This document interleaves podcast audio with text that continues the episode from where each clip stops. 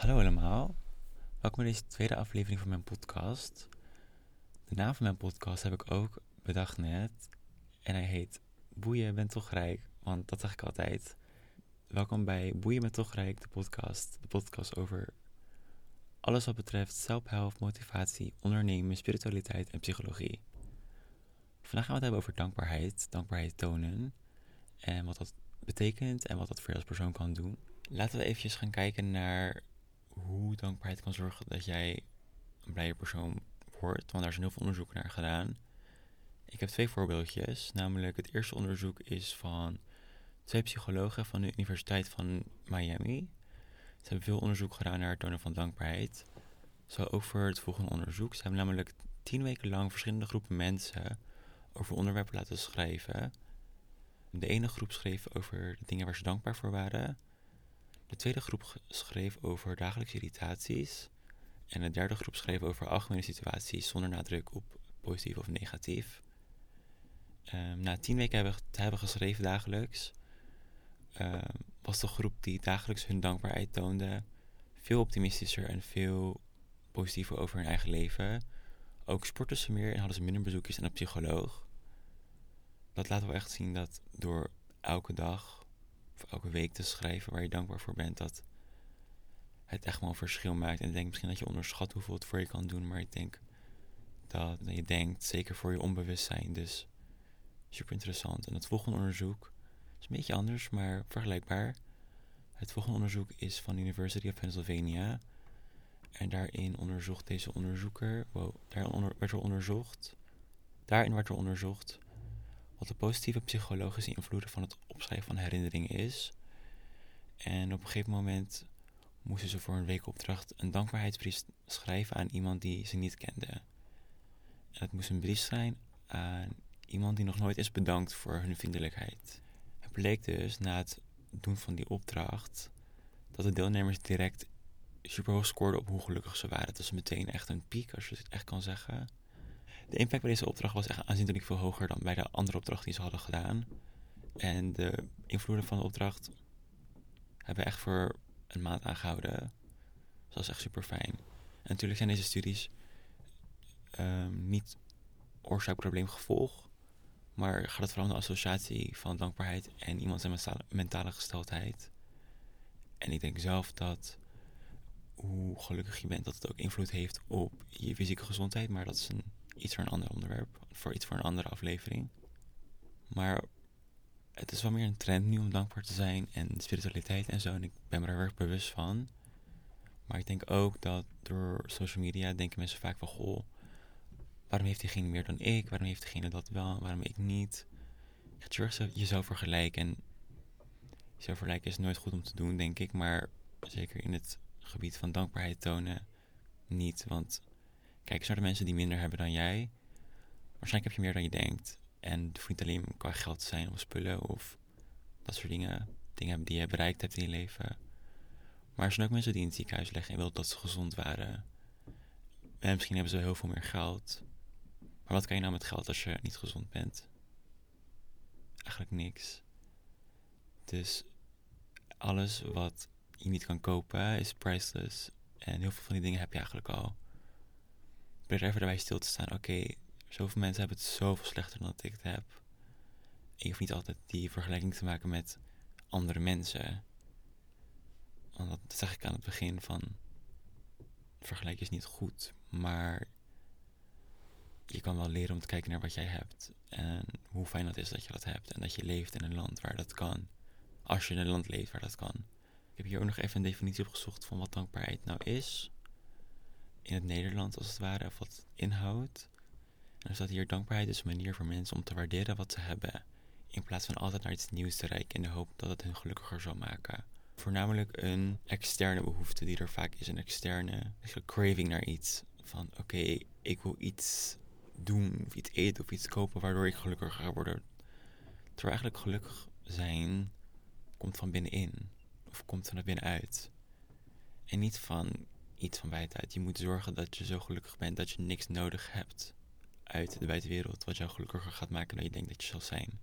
Aan het begin is dankbaarheid tonen misschien heel gek, want het is niet iets wat je op school leert of van je ouders leert. Misschien wel, maar bij de meeste mensen niet.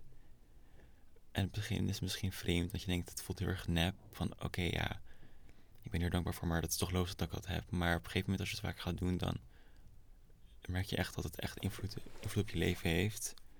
En ook ehm, als je het oefent, als je steeds oefent met iets, je maakt echt verschil. Dus probeer verschillende manieren om dit te doen. En ik heb hier wat maniertjes opgeschreven, waardoor je dankbaarheid kan tonen. Het kan heel veel verschillende manieren. Je kan ook zelf hier helemaal vrij in zijn en creatief in zijn. Maar de eerste was schrijven een brief. Dat was ook aan het onderzoek gebleken dat een brief schrijven heel goed is. Maar je kunt jezelf ook gelukkiger maken door je relatie met iemand te koesteren. Een brief te schrijven naar diegene. En jouw plezier uitlegt en je waardering voor die persoon uitlegt. En de impact op jouw leven. En je hoeft niet per se te versturen. Het is wel leuk. Het is wel leuk om te krijgen als, als vriend of vriendin van iemand om die brief te krijgen. Maar het is vooral voor jezelf heel fijn om even opgeschreven te hebben. Oké, waarom vind ik deze persoon zo aardig? En het kan heel simpel zijn. Het kan ook gewoon zijn omdat je altijd naar me luistert. En omdat je alles voor me klaar staat. Maar het kan ook uh, veel dieper gaan. Dat kan je natuurlijk voor jezelf eventjes uitvogelen. Maar denk niet te moeilijk, want hoeft niet. En uiteindelijk, uh, zeker als je spiritueel ook bent, denk ik dat um, dankbaarheid tonen en manifesteren, dus het uitspreken van wat jij wil, heel erg samen gaan. Als jij dankbaarheid toont aan de dingen die je hebt, zal je ook dingen in je leven krijgen die op diezelfde energy zitten, dus op dezelfde manier. Dus ik geloof heel erg in dat alles is energie. Dus als jij op een dankbaarheid vaak toont, dan leef je op een bepaalde frequentie, een bepaalde energie. En jij zal dan dingen in je leven krijgen die op dezelfde frequentie zitten, op dezelfde energie. Dat is bij een radio. Als je een bepaald radiostation hebt, dan wil je naar die bepaalde frequentie 101.1. En als je er niet op zit, dan kan je er niet naar luisteren. Maar dus wel, als je wel op die energie zit. Dus dankbaarheid zorgt voor een hele hoge frequentie, waardoor je ook hele goede dingen zal aantrekken. Je kan ook voor jezelf zeggen: Oké, ik wil minstens één bedankbrief naar, per maand schrijven naar jezelf of naar een persoon. Of minimaal één keer per maand kan je dat gewoon doen. En dan heb je ook voor jezelf een routine die erin creëert. Oké, op deze dag van de maand ga ik een brief schrijven naar iemand, mezelf, whatever. Je kan ook gewoon iemand bedenken. Dus als je geen tijd of zin hebt om het op te schrijven, kan je ook eventjes iemand in je hoofd hebben en even denken: oké, wat heeft die persoon voor mij gedaan? Voor iemand anders. Bedenk gewoon even aan het persoon zelf en je hoeft niet per se het op te schrijven, maar maak er gewoon van om die gedachten over die persoon. Um, om er even stil bij te staan, om even stil te staan bij die gedachten. Oké, goh, hier ben ik jou dankbaar voor, want dit heb jij gedaan of dit doe jij voor de wereld.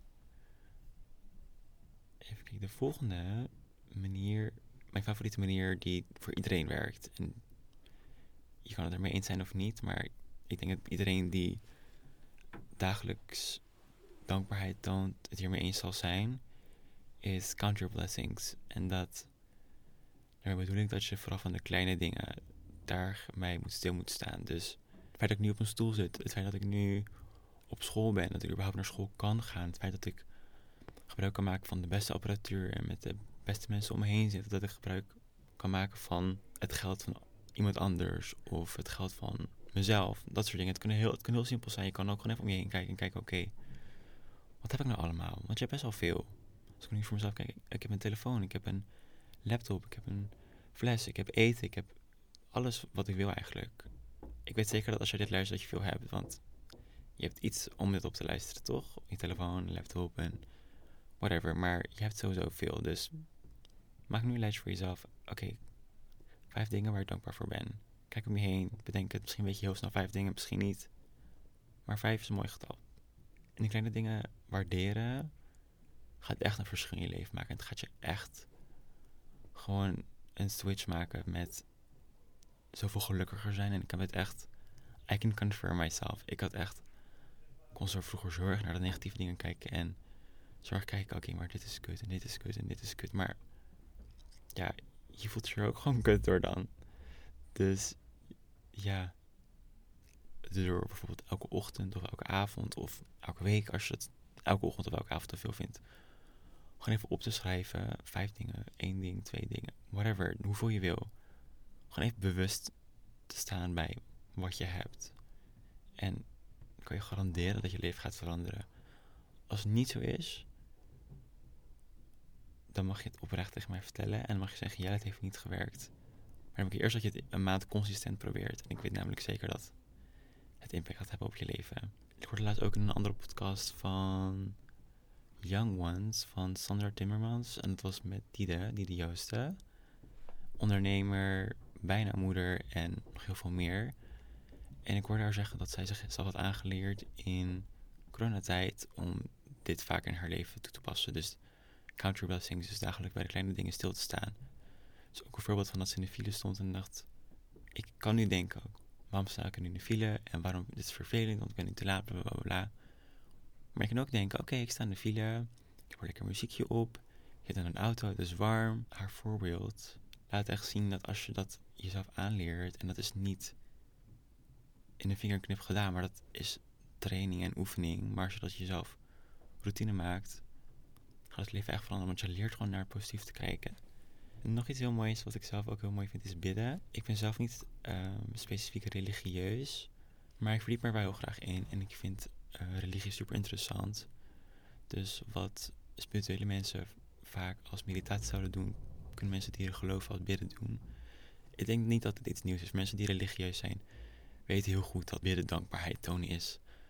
Je toont misschien dankbaarheid naar een God of naar waar jij in gelooft, maar het is best wel hetzelfde naar als je mediteert als je gewoon dankbaarheid naar jezelf toont. Want als je bidt, doe je dankbaarheid naar wat degene voor jou doet. En dat is dan een God waar je in gelooft. Maar je kan dat ook naar een persoon doen. Of naar jezelf. Of whatever. Dus het komt al heel erg op hetzelfde neer. En ik geloof heel erg in dat heel veel religies echt super vergelijk met elkaar zijn. Um, de laatste is nog mediteren. Ik had het net, al even kort benoemd. En ook in de vorige aflevering heb ik ook benoemd dat mediteren super goed voor je is. Um, maar als je een mindfulness meditatie hebt, dus eventjes concentreert op iets. Het kan heel, kunnen heel veel dingen zijn. Je kan een guided meditation zijn, maar ook zelf. Je kan jezelf ook focussen op een woord. Um, zoals vrede of een zin of een kleine phrase wat je handig vindt. In ieder geval, dat waren een paar dingen die uh, je kan doen om je dankbaarheid te tonen. En je kan allemaal nieuwe dingen verzinnen